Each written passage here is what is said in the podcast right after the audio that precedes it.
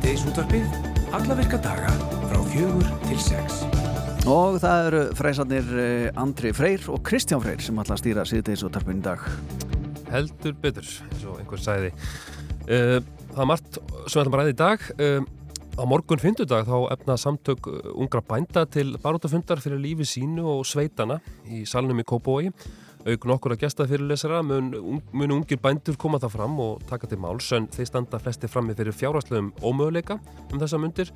Og ungt fólk sem vil hefja hefbundin búskap sér ekki fyrir sér að eiga mikla möguleika framundan Það er því mikil ógt sem staðið er að bandastjættinni og til að setja okkur inn í þau mál þá heyrum við í steinari Loga Arnars sinni, formanni samtak, samtaka ungra bænda. Menningarmiðstöðin Höfuðstöðin og Ellegarstöð hafa saman að krafta sína í Rekkjavöku á Rekkjavöku og bjóðu upp á draugalega darskrá fyrir fjölskyldina. Eh, hún hefst eh, í dag eh, með grímu smiðju sem er eins konar upptaktur fyrir draugagönguna sem að hefst svo setna, það er að segja klukkan hálf sex. Og í göngunni þá munu þáttökundur verða leittir um draugalega stíga Ellegadals frá Höfuðstöðinni að Ellegarstöð í leita afturgöngum, uppvakningum og fleiri tegundum drauga. Lilja Baldsdóttir, hún ætlar að ræða okkur Nei, ég segi svona, hún ætlar að fræða okkur um draugagönguna Hel, já, það var spennandi. Ég, ég, ég, segi, ég segi hann aftur setni dag, ekkert mál, ég, bara ekkert mál. Ríkis laurgustjóri hefur í samræði við laurgustjórun á Suðunessum líst yfir óvissu stíi almannavarna verna jarðskjáltarhinnunar sem að hófst á Reykjaneska í nótt. Um þúsund skjáltar hafa mælst frá miðinætti. Við fáum fulltrúa frættastofunar til þess að greina okkur frá stöðumála á Reykjanesunu og til þess kemur hún Ingeborg Sara Gummistóttir í heimsókn. Akkurat, uh, lifum brosandi til þess að deyja glöð, segja Mexikóar gjarnan, en þeir gleðast yfir þeim sem á undan hafa farið, fagna lífinu, döðanum og minnast fólksins með litrikri gleði og veistluhöldum. Og nú komið að okkur hér á fróni að fagna lífinu og döðanum því einstakri veistlu að hætti dagsina döðu í Mexikó verður hend upp í gamla bíói næsta lögadag og uh, þar mun Svanlaug Jóhansdóttir sönguna fara yfir í tala og tónum uh, hvernig þessi mexikórska hefð gæti nýst okkur til þess að já, svona, gæða lífið meiri dýft og, og gleði. Og hún kemur til okkur eftir og hún er nú komið áringa í síðdæðisótrapið og þá hefur hún sungið fyrir okkur. Já. við erum að tala um sko a cappella eins og hann að kalla Já, við þurfum ekki að spila undir þetta. Ha, Nei, nei, nei, nei, nei, Nei. og þannig að jafnvel að við snúum upp á hendina hann eftir, ég held að þau eru nú ekki snúin eitt svakalega mikið og, og fáum hana til að syngja fyrir okkur eftir. Það verður spennandi. En við ætlum þó að hefja leik með því að heyra í Byrni okkar Malmqvist sem að tala frá Brussel en hann hitti það fyrir prestin Sjöfn Múler Þór. Já, og uh, það er nú eflust eitthvað meira drifið á þína daga, uh, Björn Markvist, sæl og blessaður. Blessaður, blessaður, hvað segir ég gott? Já, við erum bara sprengir. Hvernig, hvernig gengur lífið fyrir sér í, í Brussel? Hvernig segir maður Brussel á, hvað segir maður Brussel? Bruxelles, Já, Og Brusluborg að það ekki á íslensku. Brusluborg, uh, ok, ég hef aldrei hérst það en, en við hljómar ekki illa. nei, Ég er svona, svona svipað eins og Rúðuborg fyrir hérna í, í Fraklandi. En, en allt um það, í, sko, hér er bara, ef að segja, sko, ef að jólinn koma fjórusunum ári, þá koma þau sem sagt fjórusunum ári í Brussel uh, þegar að hérna sirkusin kemur í bæinn. Ég er að tala um, sko, 27 leiðtóa aðeldaríkja Európa-sambansin sem er að mæta hérna á morgun í, á tveikita leiðtóafund. Þetta er náttúrulega, eins og ég segja, haldið fjórusunum ári og það er náttúrulega Eh, Ég var að segja, það er búið að vara við það sem hefur verið kallað talsverðar trublanir á umferð í borginni. þegar, eh, þegar þessir leitóar og allir þeirra áhangandur eða, eða, eða fylgifiskar mæta í bæinn og, og hérna, eh, náttúrulega gista á hótelum vitt og breytt um, um borgina er að svona keira til svona fram og tilbaka frá sendiráðum og, og náttúrulega enda hérna í, í, byggi, eða, í byggingu leitóðarásins sem er á Sjómantorkinu hérna rétt fyrir neðan, bara kannski 5 minútna göngufélag frá mínu heimili. Og uh, sömulegðis svona um það byrj 1500 til 2000 bladamenn sem að, sem að hérna, koma uh, sem eru búsettir bæði sem- þeir sem eru búsettir hér í Brussel og, og aðri sem að koma með, með þessum leiðtúum, þeir koma hingað þannig að þetta verður svona mikill eh, stjórnmála fjölmiðla sirkus sem er hefst um hvað eftir hátið á morgun. Þetta verður skemmtilegt. já. Þetta er alltaf skemmtilegt. Já, já, og þú hefur alltaf gaman að þessu og þeir þreytast nú ekki að því að saminast í, í eh, þinni heimaborg eins og er. Sko, ég er búin að segja þér, Andri, nokkrum sinnum að ég er búin að lofa þér sko ferði í bjór, hérna, Já. var að segja bjórsafnið eða einhvers konar svona bjór eitthvað Já, já. hérna í, hérna í, hérna í Brussel eða Belgíu af því að belgar eru náttúrulega heimsfræðir fyrir sinn afskaplega góða bjór Já. en það er eins og það er eitt sem að austuríkismenn hafa fram yfir belga hvað bjór varðar þú hefur gaman að þessu. Já, ég, bara- hann, sko, ég nefnilega hef aldrei smakka bjór þess vegna langar hann svo að kíkja til þinn að smakka ég, nei, já, ok. Það er svona, já, verð að, þú veist. Svona. Ertu með krosslaða fingur hann að nei, segja? nei, nei, nei, nei, nei, en hvað segir sko, ég ætla, sko, getum við ekki bara crowdfundað einhverja, einhverja, einhverja ferð fyrir því andri minn til, til Brussel svo við getum komið og hérna, við getum kannski ekki gert þetta einslag saman hérna. Já, já, En, í- en, í- en í Austuríki þar er hins vegar sko stjórnmálaflokkur sem heitir sko bjórflokkurinn. Já. og, og hérna það er vissi ekki kostninga fyrir hann, fyrir hann sko næsta ári í hérna Austuríki en, en það er sko, sko, sko reglulega að gera skoðanakannanir og bjórflokkurinn er með sko 12% fylgi með að kjósenda í Austuríki Það er bara eins og elefantbjór. ég veit það, og ég veit það nákvæmlega, eða belgísku bjór eða þú vel eða eitthvað. Og leiðu mér að segja þér sko eða, og leiðu mér að segja, með, eða, sko, þannig að segja ykkur af hverju, það er nefnilega þannig að þeir lofa sko bjór gósbrunni í Vínarborg. Þeir ætla að setja 50% skatt á radler sem er svona svipað eins og það sem að byrja að kalla shandi þegar maður blandar bjór og, og fanta eða bjór og gósi eða eitthvað svona Eh, þeir ætla að, að gefa hverju, hverju fjölskyldu 50 lítra bjóra á mánuði. Vá á mánu og hérna og allir þeir sem eru, svo- sem eru nógu vittlis til að kaupa þetta radler sull sem að þeir kalla þeir, þeir geta skipt, sko þeir munu geta skipt því út fyrir, fyrir það sem að, það sem að blokkurinn kallar alvöru bjór. Já, hérna. og þeir eru með 12% fylgi sem er meira heldur en nokkrir aðrir flokkar í, uh, í hérna í Östuríki Er mikið reynsla af svona grín, grín frambóðum innan gæsalappa? Ég er ekki að gæsalappa hérna, hvort þetta sé grín frambóð eða ekki. En Já, þetta er náttúrulega grínflambóð í sjálfu sér en ég meina þeir eru með sæti í sko, þeir, ha- þeir eru ekki með sæti á þinginu í Östuríki en þeir eru með sæti í einhverjum svona borgarráðum í, í, í Vín og, og þar í kring þannig að þeir, þetta er sko, þetta er alvöru flokkur í þeim skilningi sko. Þetta er svona svipað eins og hvað flokkurinn hans Jónskunar? Var ekki besti flokkurinn og... Besti flokkurinn, já, einmitt. Ég er nú gammal í þetta. Það var Hérna- fönglistinn á Ísafjörði líka, sætlaminninga, en það er nú önnur saga. En, Já, og svo var í eldga, sko, eldgamla daga var ekki hérna, byrju, kjósið ekki, já, hinflokkurinn. Það var ein, einhvern tímann á áttunda áratögnum minni mig, það var hérna slókan hjá þeim var sko, kjósið ekki okkur, kjósið hinflokk. Akkurat, það er skemmtilegt. En Björn, þegar þú segir sko jólin koma hérna fjóru sem ári þá náttúrulega spertist ég allir upp og ég held að vera að tala um það að vera búið að skreita borgina en, en það er ekki? Nei, það er ekki byrjað. Nei. Það ég hef ekki séð eina einustu jólakúlu hér í Brussel. En þú ætlar að pikka í okkur samt þegar það gerist Ok, ætlaði ég að gera það? Já, við vorum margbúin að ræða þetta En uh, nóðum það, uh, talandi um jólin þú fóst og hittir prest Herru, já, það, það fennum oft saman presta jól. já, já, Beintu bjór yfir í prestinn. já.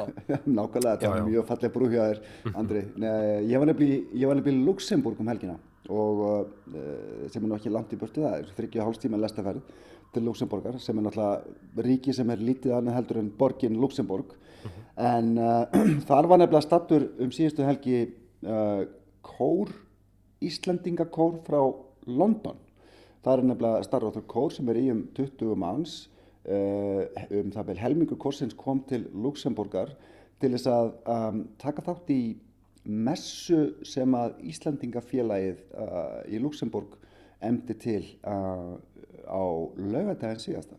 Ég fór á hitti hennar kór og ég hitti líka prestil, uh, hana Sjöfn, uh, Þór Muller og uh, spjallaði aðeins við hana. Við skulum heyra aðeins í kórnum og í henni Sjöfn um þennan viðbörði í Luxemburg á laugadaginn.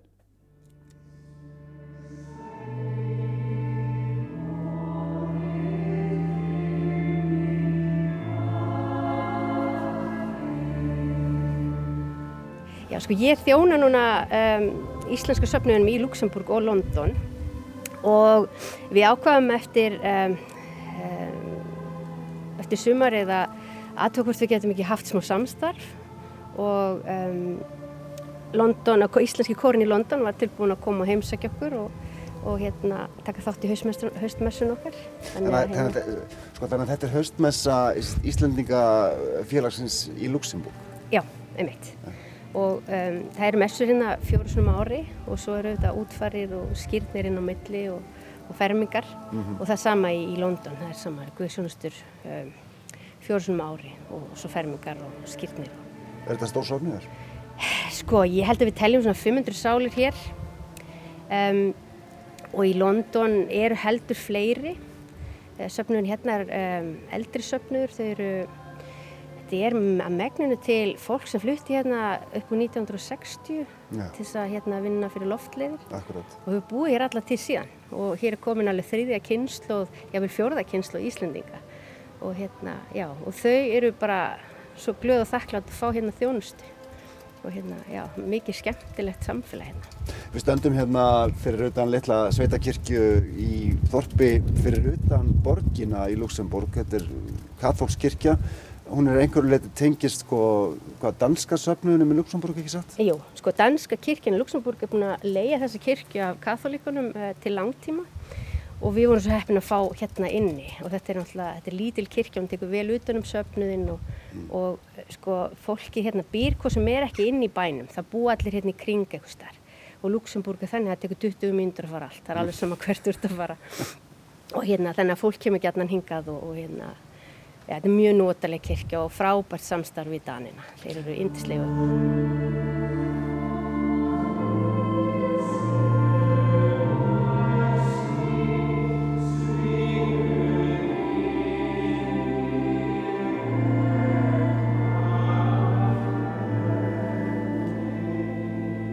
Þú býrt sjálf í Aachen í Þýskalandi Já, ég býr svona mitt á milli Akon og Köln. Og ert líka að, að, að þjóna í rauninni, já, þú, sko, þú þjónar þessum söfnuði í London, Já, þessum söfnuði hér já, og bráðlega hvað líka í Berlín? já, við erum að byrja hana starf í Berlín núna og verðum fyrst með hérna jólaguðsónstu í, í hérna desember Mm. og ætlum svo að reyna að byggja upp starf í Berlín og við erum líka, ég fer út um allt, bara það sem þörf er, um, þar fer ég bara. Já, og svo er, svo er kollegi minn uh, Sur og Spáni líka. Það er aukin þjónust að þar, Já, einmitt, það er ekki þjónust að það er mjög margir íslingar þar, að, mikið um að vera. fólk að koma þangað að gifta sig og svona. Já, er mjög algengt að fólk fari til Spánar að gifta sig, einmitt. Já, og það er líka farið út um allt, sko. Ég verið með tvær, eh, tvö brúkup á Ítalíu Mm. og hérna, já, já, það er alveg eh, alltaf eitthvað um að vera. Hver er munurinn á því að þjóna söfnuði fólk sem að hefur búið um langa hríð í útlöndum og að, og að vera heima? Sko, ég held, það er eitthvað svona þakklæti sem er hér, það er eitthvað svona, það er svo mikið, fólki er þetta samfélag svo mikilvægt. Mm. og við höfum tekið eftir til dæmis um, að Íslendingafélögin þau eiga erfiðara um, með að starfa núna, það er erfiðara að fá sjálfbóðaliða en kirkjuna, sko, fólk heims ekki kirkjuna, fólk kemur í kirkjuna og við eigum einhvern veginn, um, við hefum gott samstarf, við, við störfum alveg hérna, mjög náðu saman en það gengur einhvern veginn betur að fá fólk til þess að, að koma og syngja í kórnum og, og vera með í kirkjunni um, frekar en heldur en Íslandingafélaginu. Þannig að, að þetta, það er einhver svona breyting sem hefur orðið eh, kannski af því það er auðvitað eiga samskipti í dag. En, en, en Íslandingasamfélaginu voru náttúrulega gríðarlega mikilvæg þegar fólk var ekki eins og með ískápið að síma hérna þegar það kom. Sko. Gaman að heyra sögur af, af, af þegar fólk var að flytja hérna með ekkert. og hérna svo fóru flugmenninni bara í loftið einhvers þar og voru í burtu í langa langa tíma og koninnar með börnin að ala þau upp og hérna, já, það var svona þjætt samfélagið hérna Akkurat. og þetta hefur náttúrulega breyst gríðarlega. Hvað býstu við mörgum hér í dag? Já, voru nú svona kannski um 40 manns Já. og ég, er- ég er að skýra tvær konur sem að báðum um, um skýrn, hérna, önnur kynnslóð Íslendinga. Þannig að, að það verður alveg mikið um að vera í dag. Gáðið vel. Takk kærlega fyrir.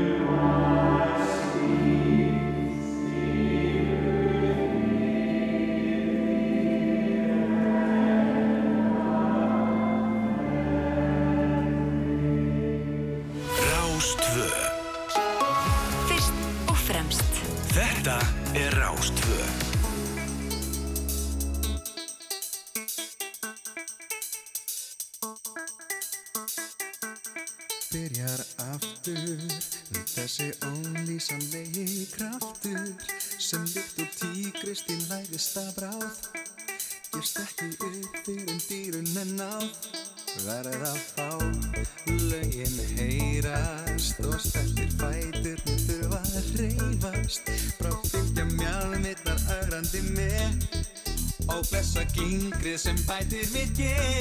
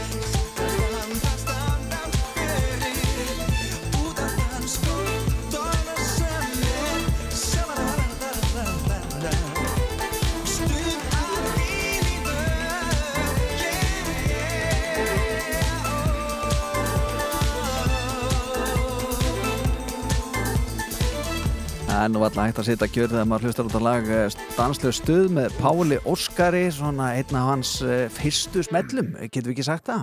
Jú, það ekki? Stanslega stuð já, er þetta ekki svona hans wild thing? Jú, með, eins Hann og trans verður að taka þetta á palabæli sko, hann verður að gera Já, já, það fara allir út alveg það æstir sko Já, já, Já, já. með mitt En úr Páli Óskari yfir í draugana og draugagöngu því að menningar miðstöðin höfustöðin og elleðastöð hafa saminað krafta sína og eru nú að fara að bjóða það upp á draugala darskrá fyrir fjölskylduna. Og við erum svo heppin að við erum komin í sambandiðina Lilju Baldursdóttir á höfustöðinni. Sæl og blessuð. Sætt og blessaðir. Hvað segir þú, Hvað Lilju? segir ykkur? Já, við erum bara fínir hérna. Eru þið að fara að draga fólki í ykkur ógangur? Herru, já, það var planið. Við sem sagt um, ákvaðum að um, samilast með ellastöð í svona skemmtilega draugagöngu og, og grímusmiðju sem við erum byrjuð á núna og stendur núna til um, hálfsex. Þá erum við sem sagt að gera grím, eru krakkarnir að gera grímur hérna í höfustöðinni og preppa sig fyrir þessa draugagöngu og fóreldrarnir eru að fá sig kaffu og köpa meðan. En síðan klukkan um, hálf sex þá mun, munum við fara í draugagöngu hérðan og frá höfustöðinu og niður í allastöð og hérna munum leita að uppvakning, uppvakningum og afturgöngum og alls konar tegundum drauga á leiðinni og það bara verður að koma í ljós hvað við finnum. Úf. Er þetta þekkt svæði fyrir drauga, 11 ár dalurinn, er það ekki hérna, það má búastu því að það finnist alls konar verur hérna? Já, ég held það, ég held það. Það er, maður er allan að heyra og stöður hérna og Mhm. þetta er svo stórt og mikið svæði og, og margir ótráðnir vegir þannig að við ætlum, hún heitir Ragnhildur Stara sem ætlar að leiða okkur hérna í gegnum dalinn og hún er einmitt þjóðfræðingur þannig að hún veit ímislegt hvað leynist hérna í dalinn. Mhm. Ég fór ekkert hérna hérna í, í dalinn að leita af jólasveinum og mér leist reynlega ekkert á blikuna, það var nú nógu draugulegt fyrir mig. E, e, verður þetta svipað eða ég bara verra? Ég hugsa nú að þetta verður vonandi ekki, vonandi verða fóröldararnir ekki, ekki hrættir og, og, og ekki krakkandur heldur. Við ætlum að gera þetta svona áður en það dimmir, þannig að það verður ekki, þannig að litlu krakkandur verður ekki hrættir. En, en svo er náttúrulega velkomið að vera með vasaljós með sér á leiðinni og, og hérna, ég held að þetta sé allt, þetta verður allt meira fræðandi heldur en þykalegt. Já, einmitt. Einmitt, svo nú meira framöndan hjá okkur á höfustöðinu eða ekki? Jú, við höfum verið með listasmiður núna alltaf á lögutum í sumar og verðum áfram með í vetur og svo er náttúrulega vetrafrið að skella á morgun. Þannig að við ætlum að vera með daglega listasmiður hjá okkur hér og að bara all, all, allir velkomnir að koma. Og svo er allir ástöðin áfram í kvöld með prógram hjá sér þegar fólk er komið þangað. Þá heldur draugagangan áfram þar og, og verða sagðar ímsa draugasögur og það er grafkjærsúpa og tilbóði hjá þeim og að því það er náttúrulega komið nýtt kaffhús þarna, það er, við erum komið tvö kaffhús núna í allavdalum þannig að við erum bara svona að reyna að nýta þetta svæði og, og, og, og bara gera eitthvað skemmtilegt. Dásanlegt. Svo er hérna líka 100 ára gömur rafstöðu það ekki, það má búast við því að það sé einhverjar hérna, einhverjar verur hérna. Finnst ekki á það maður. Já, já, Emmi, það er spurning hvort það leynist eitthvað þar. einhverju Þetta eldri, verður skemmtilegt en eldri ég get sagt ykkur að það er árið fullt hús hérna að fólki mjög spennt að fara í þetta dögugöngu Já, og allir að gera, gera sér tilbúna. já, já, við ætlum þá ekki að vera að tröfla þig, þú ætti að vera að sinna mannskapnum eða ekki? Jú, Já. ætli það ekki. Jú, takk hjá fyrir spjallið og, og gangið vel með uh, draugagönguna og, og grímusmiðuna sem er nú þegar í fullum gangi. Já, takk fyrir. Ok, bless, bless. Takk, takk. Bless, bless. Ég er komið að uh, læginu Garún með mannakort.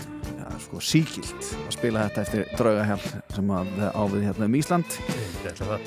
Var þetta ekki, ma- manst þú eftir hérna, djáknin á myrk á Jú, myndinni? jú, jú. Var, var það ekki Valdimar Örn? Var, hann- var hann það? Sem að leka það? Já, var það ekki? Var hann ekki á, var það ekki á móturhjóli? Er ég örglega? Var maður að dreyma þetta? Kanski nýtískuleg útvarslaði. já, við skulum finna, við skulum finna þátturum fyrir það, við finnum út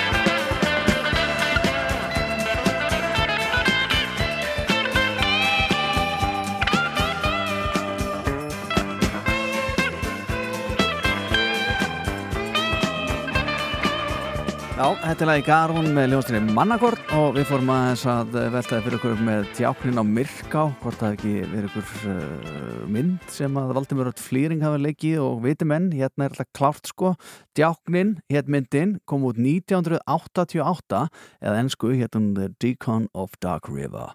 Og uh, þetta er 80 minna lang mynd og uh, sögutráðin er þessi, myndin er byggð á henni þekktu þjóðsögu um djáknin á Myrká.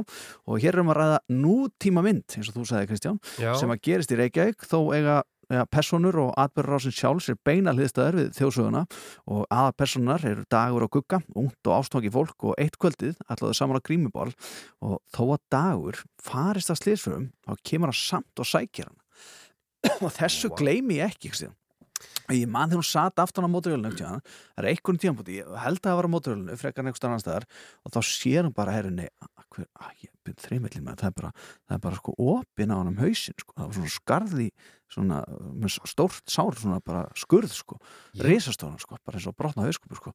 Hva- og, já, hvernig manni ég getur þessu? ég skilða ekki sko Þú sko, þú varst fyrir austan eða ekki jú, jú, ég var hérna fyrir Þannig að þetta hefur alveg borist þarna já, já, já, þetta, ég held að þetta, þetta var sínt í sjóma, þetta sjómasmynd sko. Já, já, Já, þegar sko, uh, það sem ég hjó eftir mm er það að á sama ári kemur út myndin Foxtrot.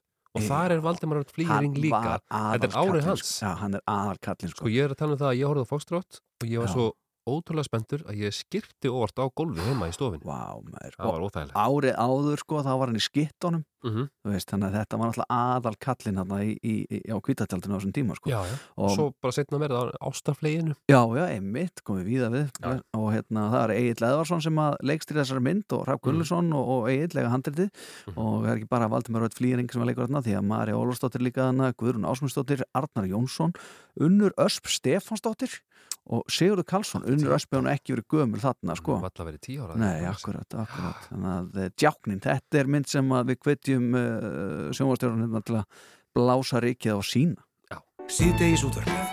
Málefni líðandi stundar. Frá fjögur til sex á Rástvö.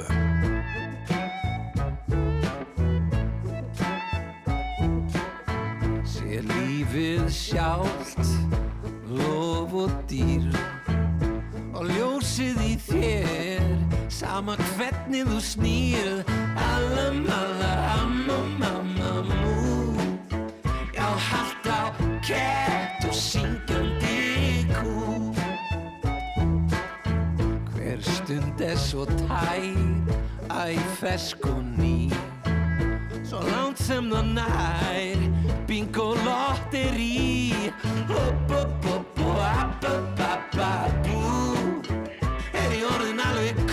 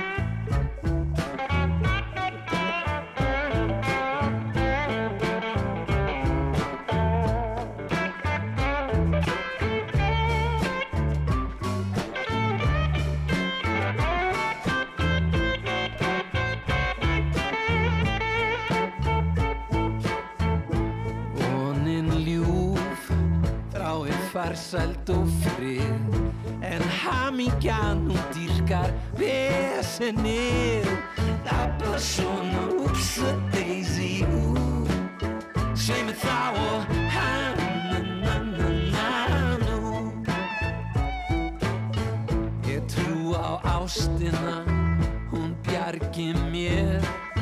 Eins og snáka ólíur og engi fer la la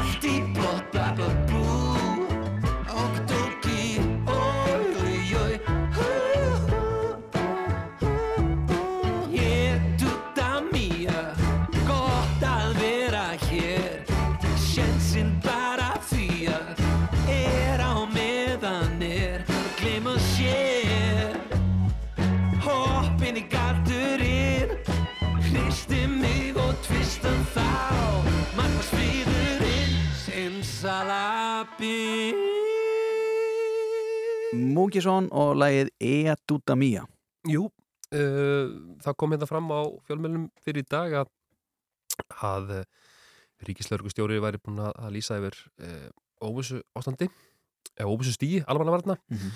vegna jarðskjáltarrinu sem að hófst á Reykjaneska í nótt, síðustu nótt og, og þar hafa um þúsund skjáltar mælist frá miðnætti okkur fannst tilhýðilegt að fá hana Ingeborgu Söru til þess að koma til okkar og, og greina aðeins frá ástandinu. Hvað, ertu búin að fylgjast aðeins með þessu í dag? Já, þetta, þetta náttúrulega var sko kröftugra í morgun hérna, og í nótt þá byrjaði þessi hrina sko Mhm. og voru hérna tveir eh, stóri skjáltar með svona frekar stuttu millibili 3,9 klukkan svona hálf 6 og 4,5 svona rétt eftir 8 en svo he, hefur þetta verið svona frekar mi- litli skjáltar sko, hafi þetta verið og hérna og er svona örlítið að dragur en bara örlítið Já. sagði hún Lóisa Mjöl, náttúrulega var sérfræðingu mér núna aðan.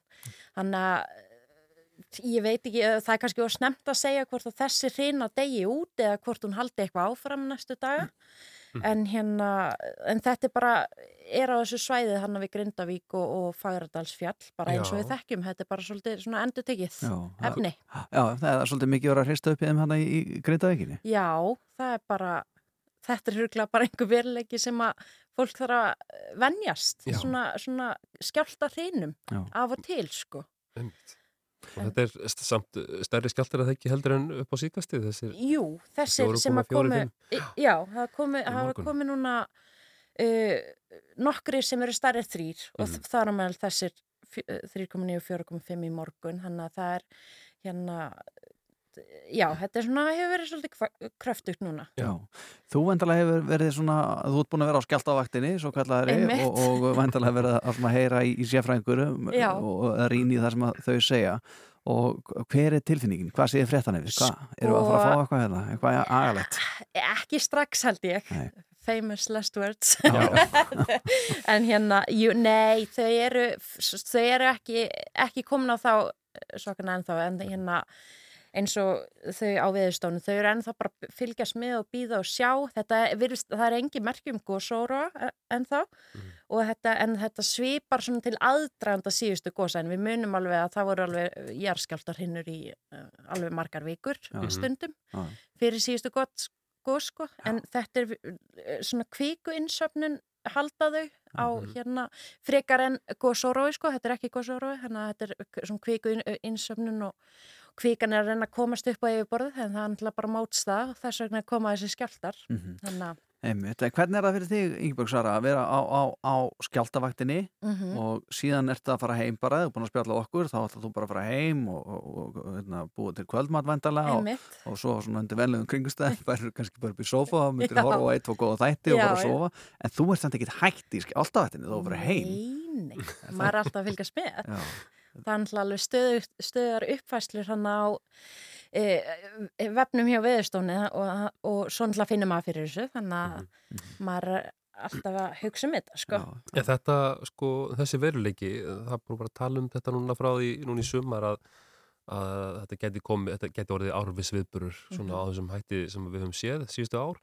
Hvernig, þú veist, það er ekkert minnstur í þessu. Það er hérna eins og núna til dæmis núna hausti til. Já. Þetta er ekki, þetta er ekki alveg að sama og var kannski fyrra til dæmis og Einmitt. það það er náttúrulega mjög erfitt að segja einmitt og þau, þetta er endalist bara þetta hérna fjölmilamanna og jarðvísindamanna að reyna að spá fyrir um hvað sé að fara að gerast þannig að, þannig að þau vita svona þú veist, eit, eitthvað þú veist, þau vita hvað er að gerast eins og núna er þessi kvika að reyna að Mhm. komast upp yfirborði en, en, og, og þannig að búið að vera landris hana, Mhm. síðustu, síðustu vikur en svo náttúrulega bara ný bara það er stutt síðan að var þó tími sem fljótur að líða það var náttúrulega bara gosan í sumar þannig að en hérna Ég var að mitt Ingeborg að segja honum andra frá því en það fyrir, fyrir í dag sko að ég hérna hoppaði inn í sýttisútarpi núna í sumar þá hitti ég þig Já. á vaktinni. Já. og þá að mitt hérna voru við að gandast eitthvað með þetta. Bara, bara voru svona létt og leikandi þann dag veginn og hvort við ættum ekki að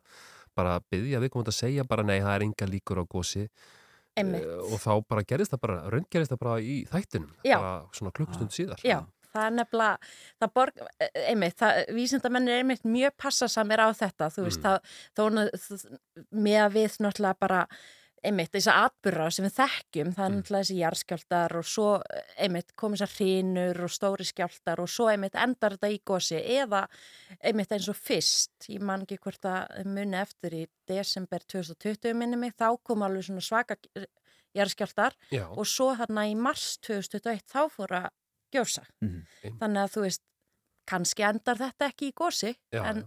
Það er náttúrulega bara ekki hægt að segja eins og er. sko. Nei, nei, nú er Kristján búin að tala þannig að þú ert ekki að fara heimarast í með áður en þú sest út í bíl, ég myndi híkra einn svona klukkutíma og sjá hvað gerist. Já, ég held að sé bara enga líkur á gósi, kæru hlustundur. Einmitt. Ég, hérna, við bara verðum á vaktina allavega. Já, við treystum því. Því. Takk hjá fyrir komuna, Ingeborg Sara Guðmundsdóttir, fréttakona og uh, já, við heyrum bara yfir eftir ef, ef Já, eftir að já, stað. ég kem bara eftir ef allt verið til fjandans. Já, þú hingra bara kringlugrána með hann og, og leipur yfir. Takk fyrir þetta. Takk fyrir.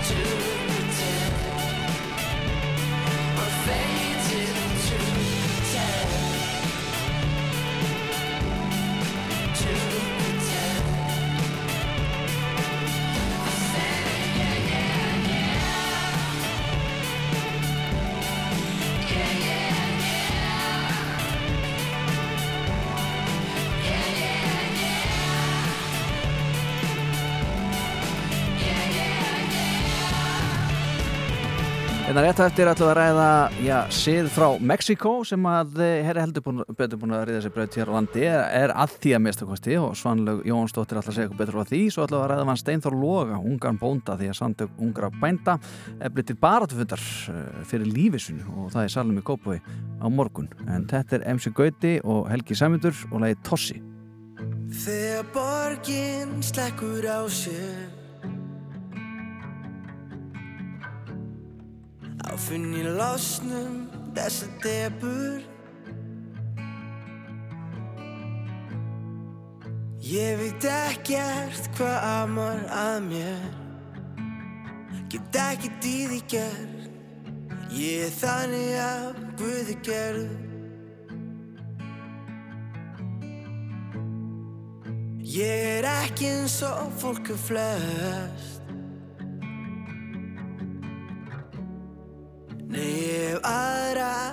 og fegur. Ég hef alltaf verið tossi úr skóla lífsins. Get í því gerð Ég er þannig af Guði gerð En kunnum allavega að hafa gaman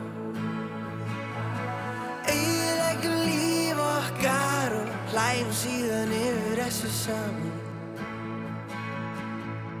En kunnum allavega að hafa gaman.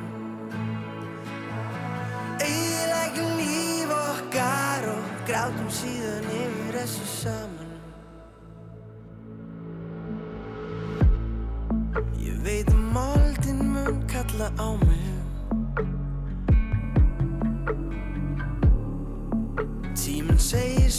hvenar það verður. En ég finn þessar hugsanir herja á mig.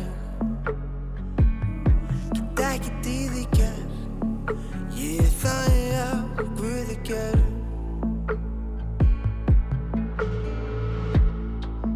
Ég á allt en sé það sem vandar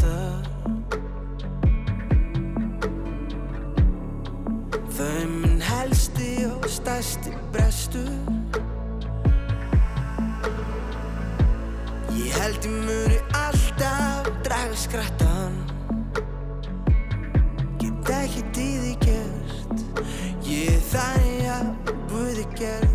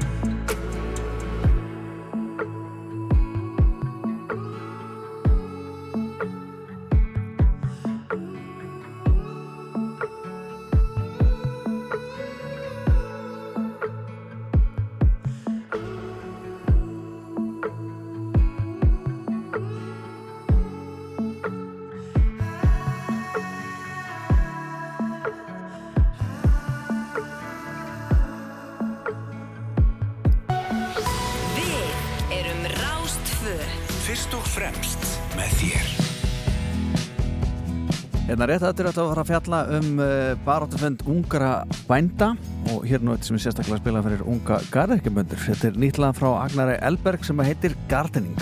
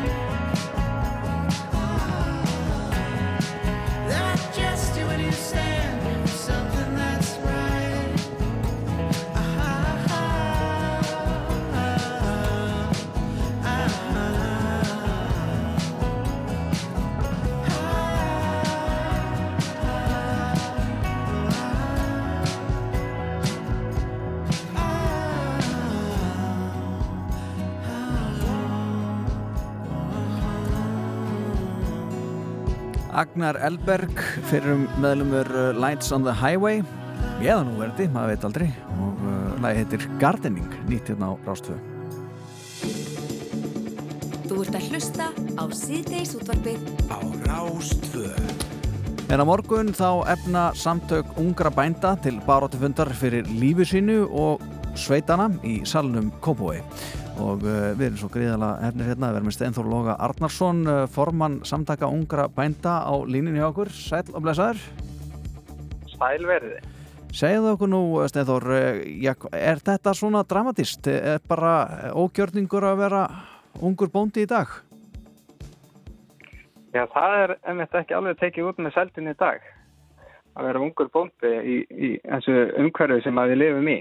Mm Það, er, það eru margar þrautir þar. Já, þið segið að standið mikil ógn að hérna að nýliðin og öðru slíku. Hva, hver eru svona helstu áskorunir, myndið þú segja í dag? Já, það er, er, er bara finnst, fyrst og fremst svona rekstrarlegar aðstæður sem að gera það að verkum að, að það er ákveðin svona ómöguleiki í því að, að verða bóndi um að hafa, hafa þeimun betra tengslanætt og bakland og sveigjarleika einhver starf annar stað frá og, og í öðru lagi að þá, þá kemur það beint í bakið á því að, að hérna, lífsgæðin eða sem sagt svona að eiga eðlilegt líf sem bóndi er, er, er fyrir bí.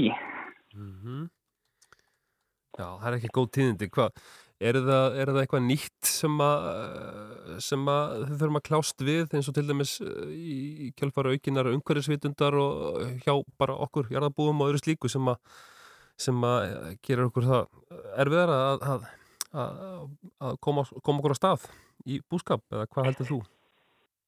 Nei, ég held, held að þvert á móti ég með tækifærin okkar þar og Já. það er kannski það sem við höfum mestar af ykkur af en, en að vera bóndir einmitt, þetta er mjög göfugt starf með fjölda áskoruna og, þar erum við bara alla daga að vinna með umhverfið, og taka ákvarðinu út frá því Mm -hmm. Svona by- byggðar á tilfinningu og fyrirhyggju og, og það er, er hansi mikil ábyrði því gagvart bara jörðinni sem við yrkjum með mitt af umhverfisástæðum og skepnunum sem við öllum við, við það var bestu dýravelferð sem við þekkjum og, og síðan við að fæða neytendur sem eru saminskuðsamir og, og er alls ekki sama um hvernig við gerum hlutina. En, en, en kannski ábyrðin sem að er, er pottu brotin í núna það eru er reikningarnir sem við borgum og, og mikil skuldabyrði sem að enginn er náttúrulega bara í miklum vöxtum. Þannig að uh, þegar endan er komið að trátt fyrir svona langvarandi vandamál kannski sem að við höfum samt náða að harka af okkur að, að þá er þetta vakstar sem að er núna að útiloka nýluðum. Já. Nú eru margir sem að eru að hlusta á sýtursúttarpið sem að hafa svona ákveðina myndir í kollinum þegar að heyra minnst á bændur og það er jú kallinn sem er illarakaður og, og það er hérna gata og olbánum á brjónabessinu sem eru búin að vera í 40 ár og, og það er snýtiklúturinn og allt þetta og jafnvel sko götótt stífili sem er alltaf í allan daginn. En eru margir í samtökum ungra bænda? Hversu margir eru það?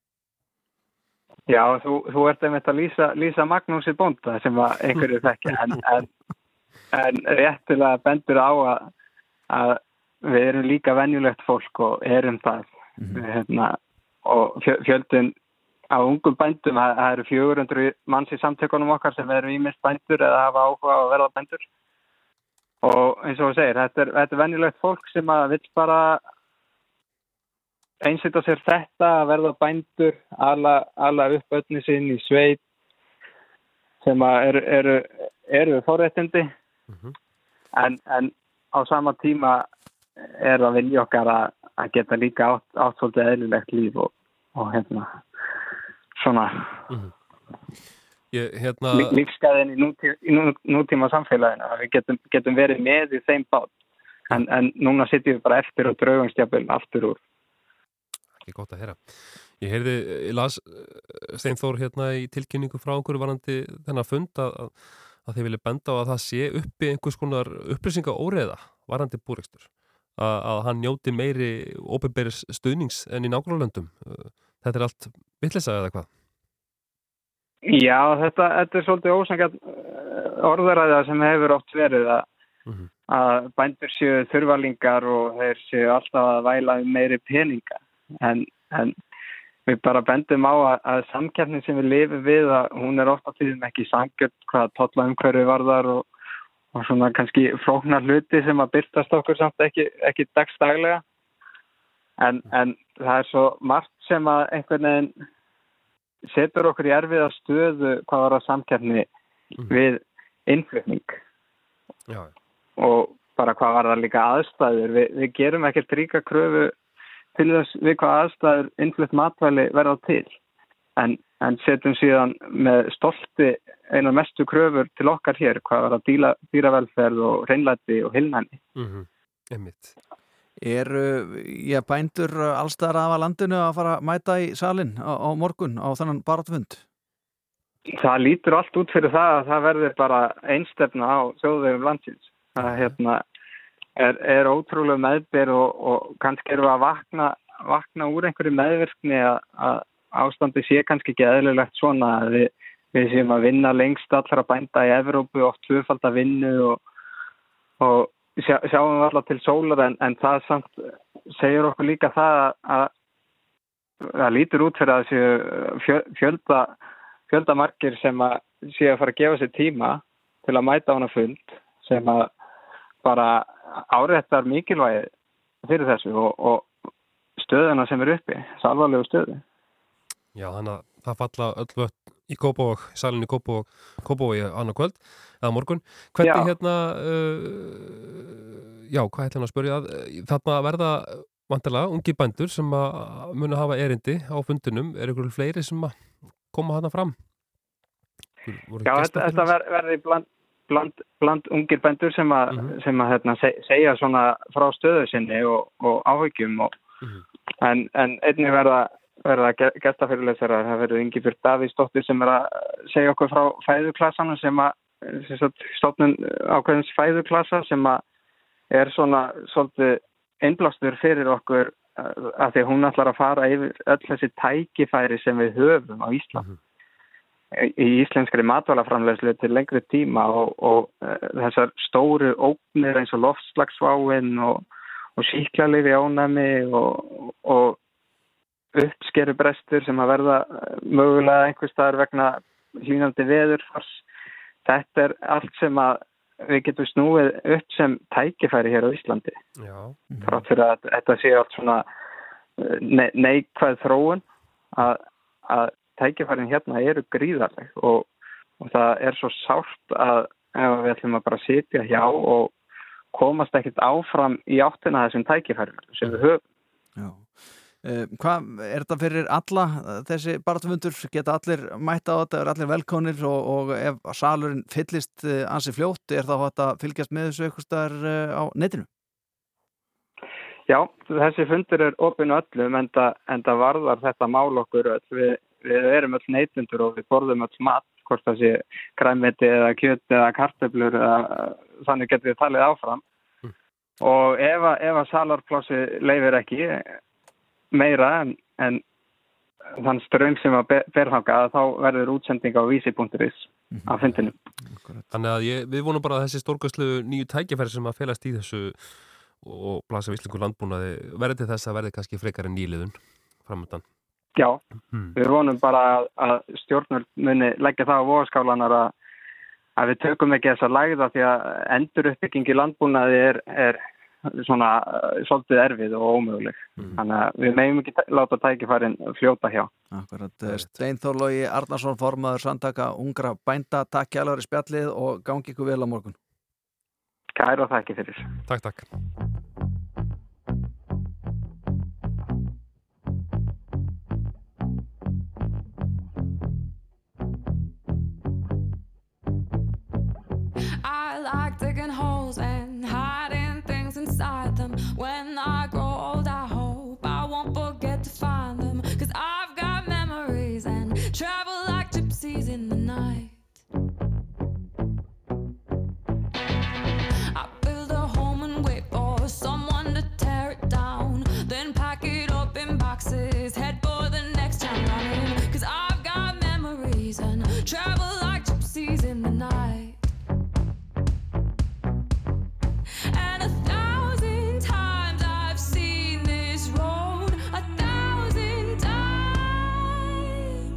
I've got no roots, but my home was never on the ground. I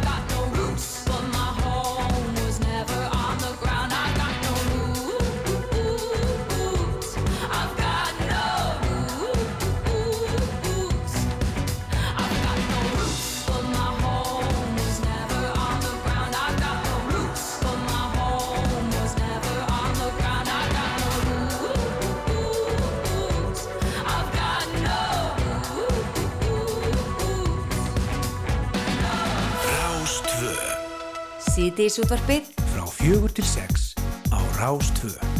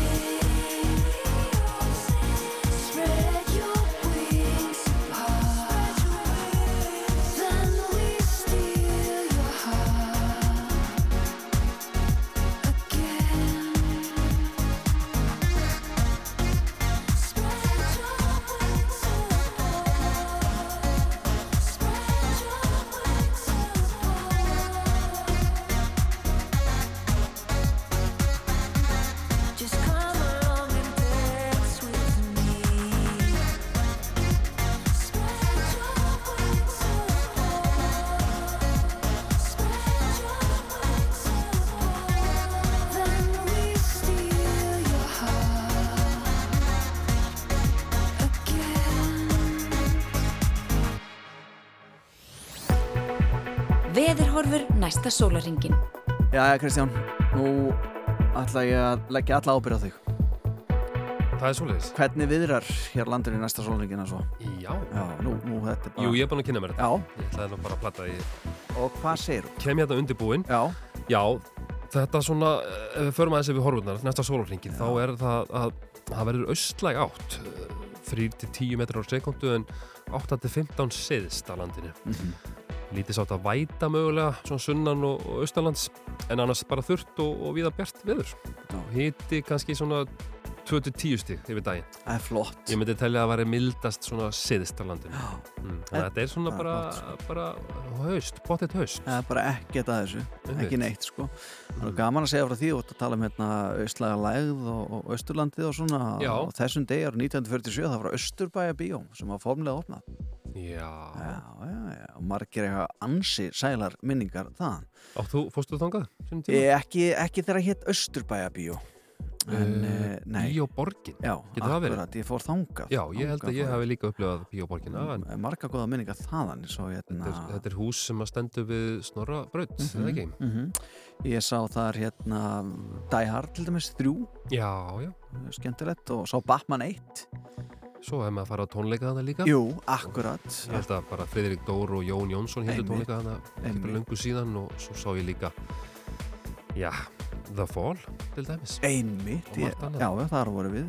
Mm. Ég var nú þar í salum líka. Ég held að, svona, þetta er svona, þeir tónleikar sem er alltaf að tala um sko, fyrsti tónleikar Sex Pistols er allir voru að tala með þeir að vera þarna. Og það var oft sagt svona, eh, já, ég held ekki ég veit hverju voru þarna, Já. það var svona svipa það, var, það, það, það voru það fáir í salum en svo nú siglingarsamband Íslands, það var stopnað og, og, og af uh, siglingarfélagunum í, í Reykjavík Akureyri, Akureyri og Kóboi á þessum degi. Mhm. spurning hvort það hefur verið að sigla á, á þessum degi þá.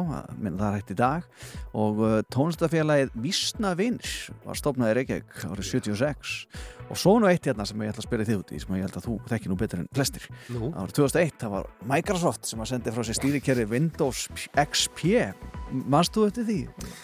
Fannstu mun? Já, algjörlega. Já. Já, já, já, já. Þetta er bara, þetta er bara, hérna, þetta var svo mikið strömmkvör. Akkurat, Hmm. Það var rosalega það var Paint þarna ennþá, Windows Paint. Því Jú, algjörlega. Ég vann, vann allt mitt etni þar. Einmitt. En við ætlum að XP. Já, ótrúlega, þýrlega tími með þér Góði tímar. Frábæri tímar Akkurat. Við ætlum að ræða hérna rétt eftir við hana Svanlegu Jónsdóttir um uh, hefðir uh, Mexikana og Já. uh, það er einmitt eitthvað sem Dagurinn hún að ætlar- dauðu. Já, hún ætlar að einbytta svo- svolítið að því á, á, á, á lögadaginn kemur með mikill í hátíð í, í gamla bíói Við ætlum að spjalla af hann eftir og hver Díos veit, Muertos. ha, Akkurat, hver veit nefnum hún syngi fyrir okkur líka Nei. Ég vona það Lyfta mér upp? Viltu leiða mig Í gegnum þetta allt? Ég vil hlaupa hratt Og vil ekki gera það ein. Ég vil ekki vera ein. Viltu öskra með mér út í myrkrið? Viltu dansa hér látt fram á nótt bros og hlátri. Engin skilur neitt.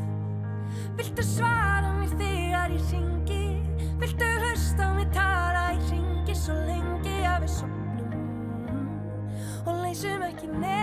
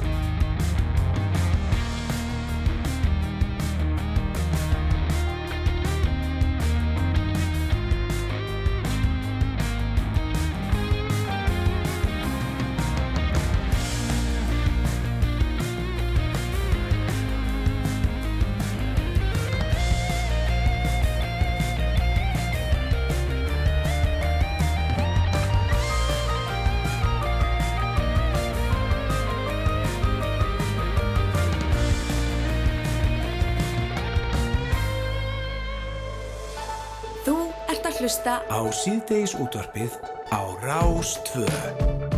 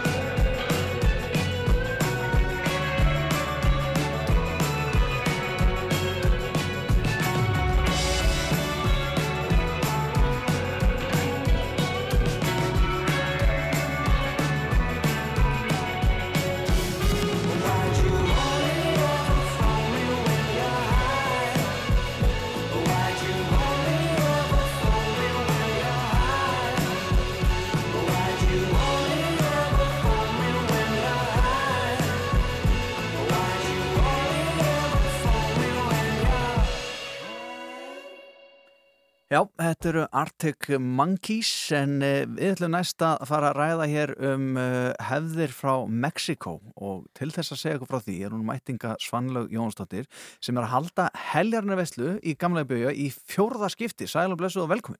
Takk fyrir, ég elska að halda vislu. Já. Takk fyrir að taka mótið mér hérna. Það er mjög svo greinileg. Og þetta er sko lifum brosandi til þess að deyja glöð. Mm. Segðu okkur aðeins frá þessu. Hvað? Sko ég er búin að velta þessu mikið fyrir mér eftir að ég kynntist almennilega að hefði Mexiko og velti meira og meira fyrir mér döðanum ég ger, alveg, ég ger mér alveg grein fyrir að það er ekkert allra þannig ég er svona í því að, matri þetta ég vel og ég get og, og eftir að skoða og pæla allt sem ég get þá er ég búin að sjá sko hvað er mótefni við döðanum Mhm. það er náttúrulega ekki neitt. Nei. en það eina sem við getum gert er að lifa hvernig sem við eigum vel. Koma vel fram við fólki okkar segja þeim að við elskum þau skilja ekki eftir einhvern skít í öllum hotnum og bara vera glaður og hérna bara jafn mikið og lífið býður upp á auðvitað í sveiflum. Já, er þetta þá einhvers konar svona rekjavöka hjá þeim í Mexiko eða hvað? Þetta er svona svipað tími. ég er pínu sár þegar fólk nálægt mér segir bara já, þú ert aftur að fara að gera þarna Halloween-dótið og veist, að því að um, allavega Halloween eins og við þekkjum það, það er mikil svona uh, markasháttíð en svo sannlega, jú, gleði fyrir börnin. Uh, dagurinn að dauði finnst mér að vera miklu meira kannski eins og allavega ég upplýði jólin heima á mér, þú veist að það er svona það er undibúningur, það er róliheit við minnumst það sem var við hugsaum aðeins um ömmu sem er farið í, ker- eh, farið í hérna, kirkjugarðin með kerti, uh, það borða rosalega góðu matur, það er mikil samver og jáfnvel svona hátíðleika tilfinning, þannig ég tengi, þú veist það er ekkert margar þjóðir sem eiga í rauninni hátíðleika, flestir eiga party og veist, eil alls þar annars þar sem er, þú veist, í Söður-Ameríku, þá er bara jólinu bara megaparty, Mhm. en hérna, já Erum við ekki bara allt og mikið í þessu tabúi að tala um, tala um dauðan hérna heima? Eh, Við gleymum stundu bara hvernig... Sko við höfum það að hérna þarf ekki manneskja að vera komin niður í jörð innan 24 tíma Mhm. sem er í sumulöndu, þannig að við erum ekki vest og það er mjög mikilvægt að- að vera alveg með það. En svo finnst mér svo, það, og ástæðan fyrir ég er að gera þetta, er bara að skoða, hei, er einhver annar komið einhverja geggja laust sem við getum kannski fengi pínlítið lánað og það er markmið með þessum tónleikum.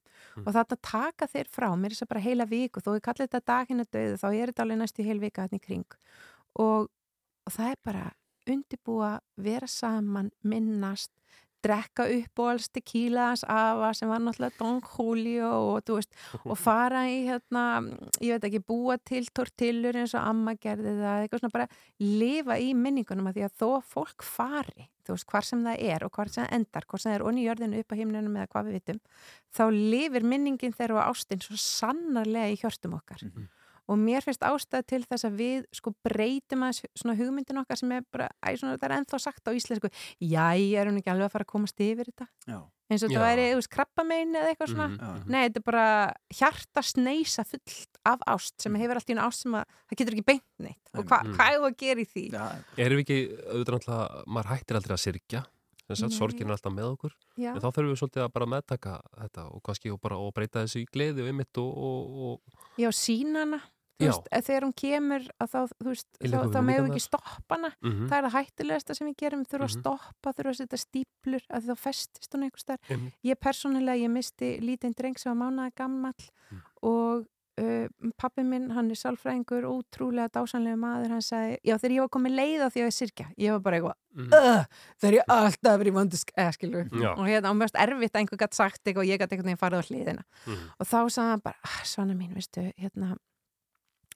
þú getur alveg sett sko stíplu í lækin en þú getur ekki látið lækin renna hraðar Einmitt. og pældi þegar við báum Mjög. bara svona pínu litla sögu, eina myndlíkingu sem við skiljum, þá erum við allt í einu sáttari við okkur og við allt í einu bara, þú veist, leifum okkur Mm. við erum ekki reyðið eitthvað bara djöðlerstu lélegu sirkjaldi, getur ekki komist yfir þetta en eru, eru hérna um, eh, þessi mexikoski siður er þetta, Mhm. eða það er að segja þeir halda í þessar hefðir sem sagt og, og þetta er eitthvað sem við getum lært af svo sannlega bara, bara gefa þessu tíma Mhm. þú veist, að það sé allavega einn dagur á árið sem að við bara sittist niður og kveikjum að kerti fyrir mömmu Mhm. sem er farin, veist að þetta þarf ekki að vera flókið Nei. og ekki ætla ég einhvern veginn að fara að einhvern veginn finna einhvern heims sannleik en það er bara að gefa sér tíma fyrir það sem, sem skiptir máli sko. og svo er líka bara svo gaman það er alls konar svona litlar hefðir sem þau eru búin að búa sér til að því okkur vantar svolítið svona eh, rituala, hvað er gott í slið stórið við það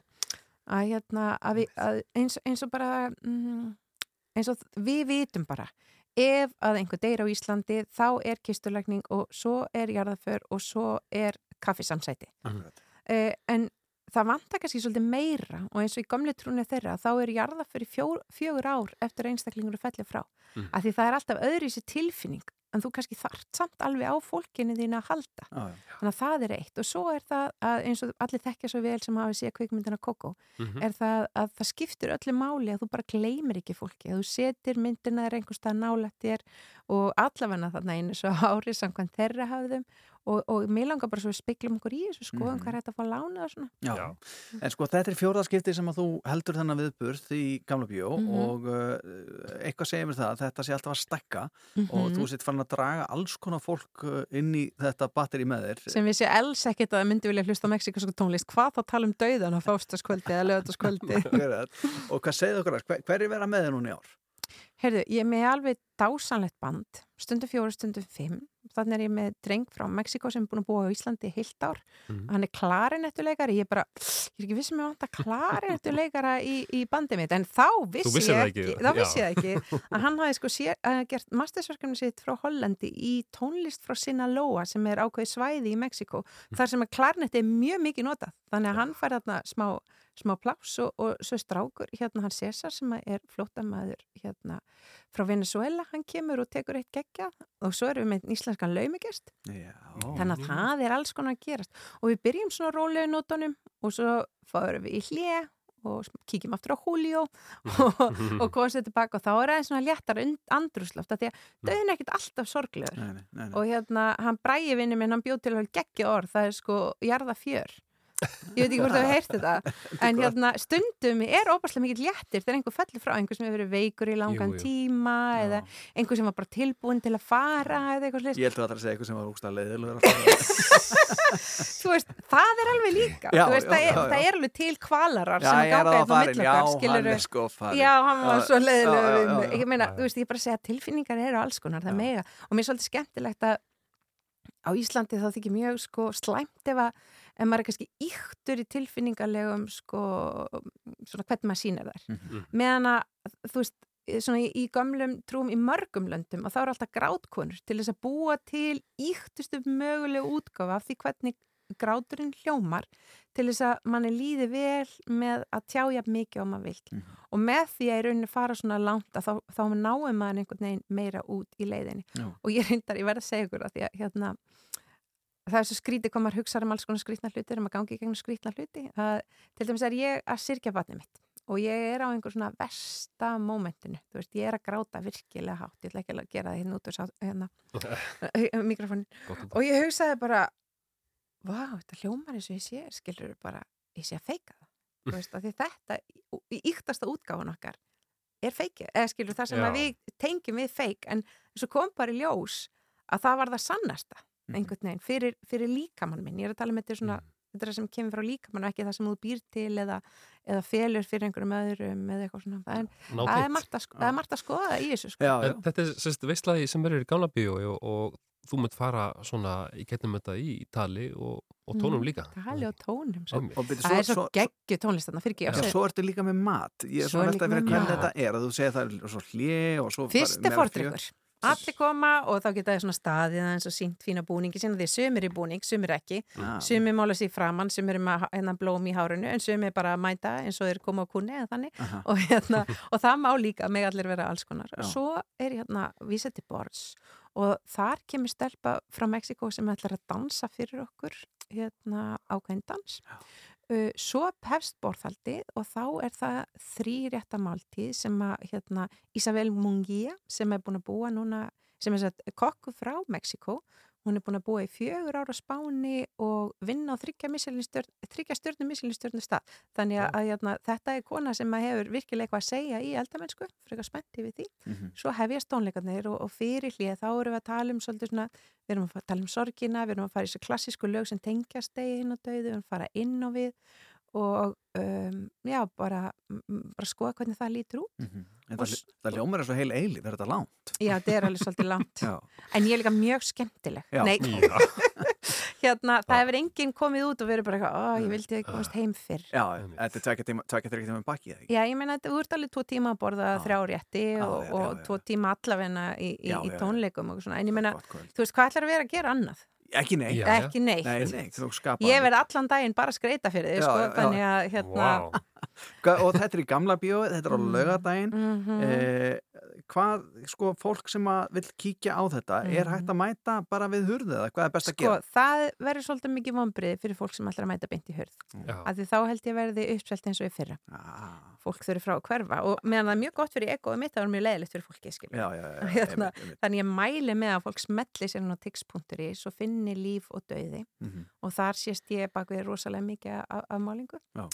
Ég er líka svolítið að segja frá í öðslösu uh, listamennum sem að hafa svona snert sálu mína frá Mexiko og mjög margir hafa án þess að vita að kannski þekkja Chavellu Vargas sem að söngi rosalega mörgum lögum í bíómyndinni Frida Mm. hún svona syngur með svona alvöru viskirödd og, og ég var einmitt að velta fyrir mér sko, það er holdt að spegla sér í menningu en það er líka geggja að spegla sér í fólki Já. og þessi ágæta kona, hún sko 2002 þá er hún 81 ás og þá kemur hún út úr skápnum. Og svo 83 ára já frábært. 83 ára þá heldur hún fyrstu tónleikana sín í Carnegie Hall. Þú veist, strákar, þetta er bara Þetta er ok, ef hún getur gert þetta Já. 81 árs, 82 og 3 hvað getur við gert restina af lífinu? Ég veit það svanlega að þú getur talað hérna, við getum reyna að fara heim hjá Kristján og, og, og komið krökkunum í rúmið og sofið og komið svo aftur á morgun, þú ert ennþá að segja frá. Þannig að við verðum eiginlega að fara að slíta þessu en ég er búin að vera að hóta því að, að fá þið til að syngja fyrir hlustundur Mhm. eh, Vá. getur þú gefið hlustundur bara svona smá tóndæmi? Það er að vera mjög lítið? Uh, sjá.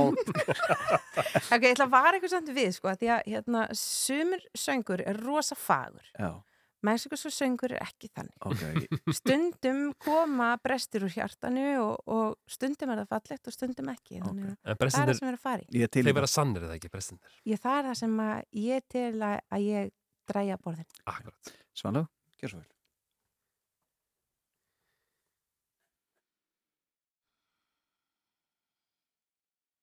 Todos me dicen el negro llorona, negro pero cariñoso. Todos me dicen el negro llorona, negro pero cariñoso. Yo soy como el chile verde llorona, picante pero sabroso. Yo soy como el chile verde llorona, picante pero sabroso. Sí, porque te quiero que eres llorona, quieres que te quiera más. Si yo te doy la vida, llorona, ¿qué más quieres? ¿Quieres más? Ég, já, ég hérna, þetta, þetta hefðilega mátt vera miklu lengar svona, Já. bara fyrir ekki að ég sé, já, fyrir ekki að ég sé eitthvað svona. Þeir sem vilja meira, þeir fara í Gjána bíó já, já. á lögadaginn. Já, já, akkurat. Mm. Þúsund takk fyrir þetta og gangið vel með fjórðu veisluna og megið þar að vera miklu fyrir. Ó, takk fyrir mig. Takk fyrir að koma. Takk fyrir að taka á móti mér. Rástvö